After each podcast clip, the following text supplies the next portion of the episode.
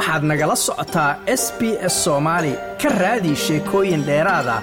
s b s com au xariijin soomaali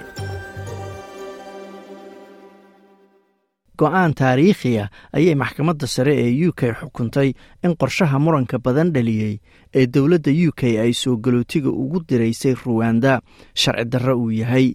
iyadoo sabab uga dhigtay in dadkaas khatar ay u yihiin in laga sii tarxiilo ruwanda iyo in si xun loola dhaqmo. Go'aankan ayaa dharbaaxo weyn ku noqonaya dowladda ra'iisul wasaare rishi sunak oo isagu wacad ku maray inay sii wadayaan siyaasaddaas xataa kadib go'aanka maxkamadda. Maxkamadda sare ee britain ayaa xukuntay in qorshaha socda ee soo galootiga loogu dirayo ruwanda uu sharci darro yahay. Siyaasaddan ayaa dhaliilo badan ay uga yimaadeen caalamka iyo gudaha u k. Lord reid waa madaxa maxkamadda sare ee u k ama britain wuxuuna sharaxayaa in go'aanka maxkamaddu uu ku salaysan yahay khatarta ah in qaxootigaas iyo magangelyadoonka si khasaba loogu celiyo dalalkii ay ka soo carareen halkaasna lagu dhibaateeyo.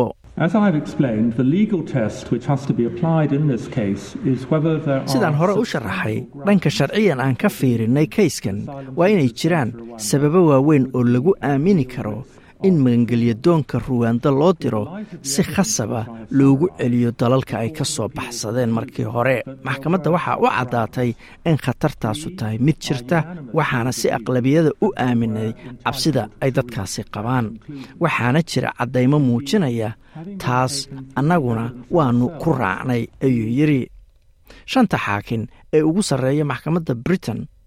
ayaa sheegay in magangelyadoonku khatar saxa ugu jiraan in si xun loola dhaqmo maadaama dalalkii ay ka yimaadeen lagu celin karo marka ruwanda la geeyo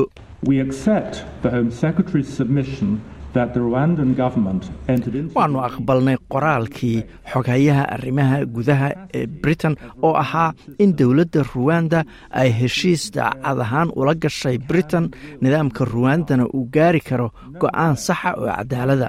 hase yeeshee waxaan isweydiinnay inay jiraan khatar ah in dadkaas lagu celiyo dalalkii ay ka soo carareen waxaana aaminay inay jiraan khatarahaasi waxaa dhici karta in khatartaas wax laga qabto mustaqbalka laakiin hadda ma aynaan arag arrintaas. Sidaas daraaddeed codsiga xogayaha waannu diidnay ayuu yidhi britain iyo ruwanda ayaa heshiis kala saxiixday bishii abriil labadii heshiiskaas oo oggolaanaya in soo galootiga britain doonyaha ku soo gala loo diro ruwanda halkaasna araajidooda lagu qabto. Haddii araajidooda la ogolaado inay qaxooti yihiin waxaa sharci laga siinayaa ruwanda oo ay degayaan. Halkaas oo xasuuq uu ka dhacay oo ay ku dhinteen dad u dhexeeya shan boqoloo kun ilaa siddeed boqoloo kun muddo boqol maalmooda muddo boqol maalmood gudaheeda. Kadib colaad dhex martay labada qabiil ee huutuuga iyo tuudsiga waa kan ra'iisul wasaaraha britain rishi sunak wuxuu sheegayaa inuu ixtiraamayo go'aanka maxkamadda laakiin uusan joojinayn ama tuurayn qorshahan oo dhan. Today, the Supreme Court has judged that the Rwanda policy requires a set of changes in order to be lawful. maanta maxkamadda sare waxay xukuntay in siyaasaddii ruwanda u baahan tahay in wax laga beddelo si uu sharci u noqdo. Kuma raacsanay go'aanka laakiin waan ixtiraamayaa waana aqbalayaa. Sharciga ayaa aasaas u ah dimuqraadiyaddeenna natiijo kasta oo ka soo baxda maxkamaddana diyaar ayaannu u nahay. Marka waxaan ka shaqaynaynaa heshiis cusub oo caalamiya oo ruwanda aannu la galno oo sharciyan ballan qaadaysa in dadka u k laga qaaday oo ruwanda la geeyey laga difaaco in ruwanda laga kaxeeyo oo dalkoodii hore lagu celiyo.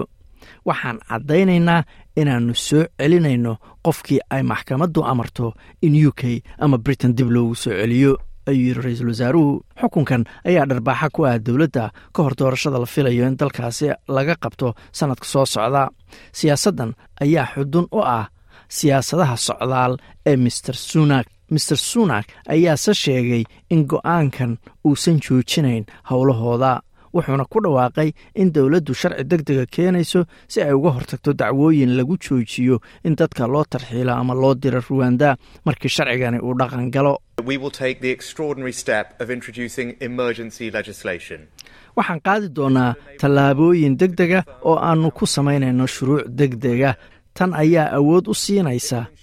baarlamaanku inuu xaqiijiyo in heshiis cusub ee aannu la galna ruwanda uu ammaan yahay. Waxaana lagu hubinayaa inaysan dib u dhicin duulimaadyada dadkaas lagu qaadayo haddii maxkamado dacwooyin la geeyo laguna joojinayo siyaasadeenna xogeeyaha arrimaha gudaha u k james clevely ayaa sheegay in go'aanka maxkamadda lagu saleeyey warar hore u dhacay oo aan hadda jirin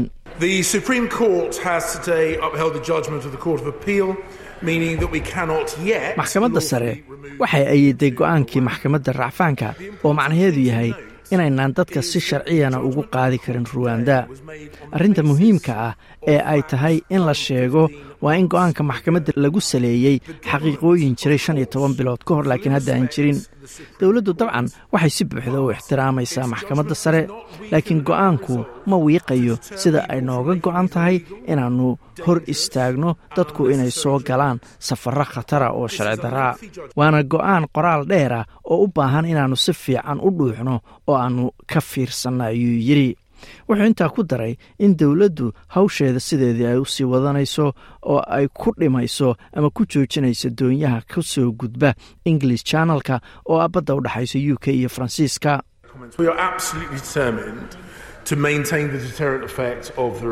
waxaa naga go'an inaannu sii wadno tallaabooyinka lagu joojinaya qaxootiga ee aannu annagoo isticmaalayna nidaamka ruwanda waxaa haddeerba sii muuqda oo calaamadaheeda ay muuqdaan in siyaasaddanu ay saamayn yeelatay oo macnaheedu yahay in doonyihii iman jiray iyo dadkii ku soo degi jiray ay yaraadeen. Inkastoo aanan doonayn ayuu yidhi in tirakoobkan aan si khalada u turjumo waannu ognahay in cabsida laga qabo siyaasaddan ayba markiiba saamayn yeelatay waana ujeeddadii aannu ka lahayn ayuu yidhi wasiirka. Ruwanda maanta waa dal dembiyadiisu ay aad u yaryihiin oo ka mida dalalka ugu ammaanka badan afrika ahna mid ka mida dalalka adduunka ugu ammaanka badanaya like aas la wadaag wax ka dheh lana soco barta facebooka ee sb soomaali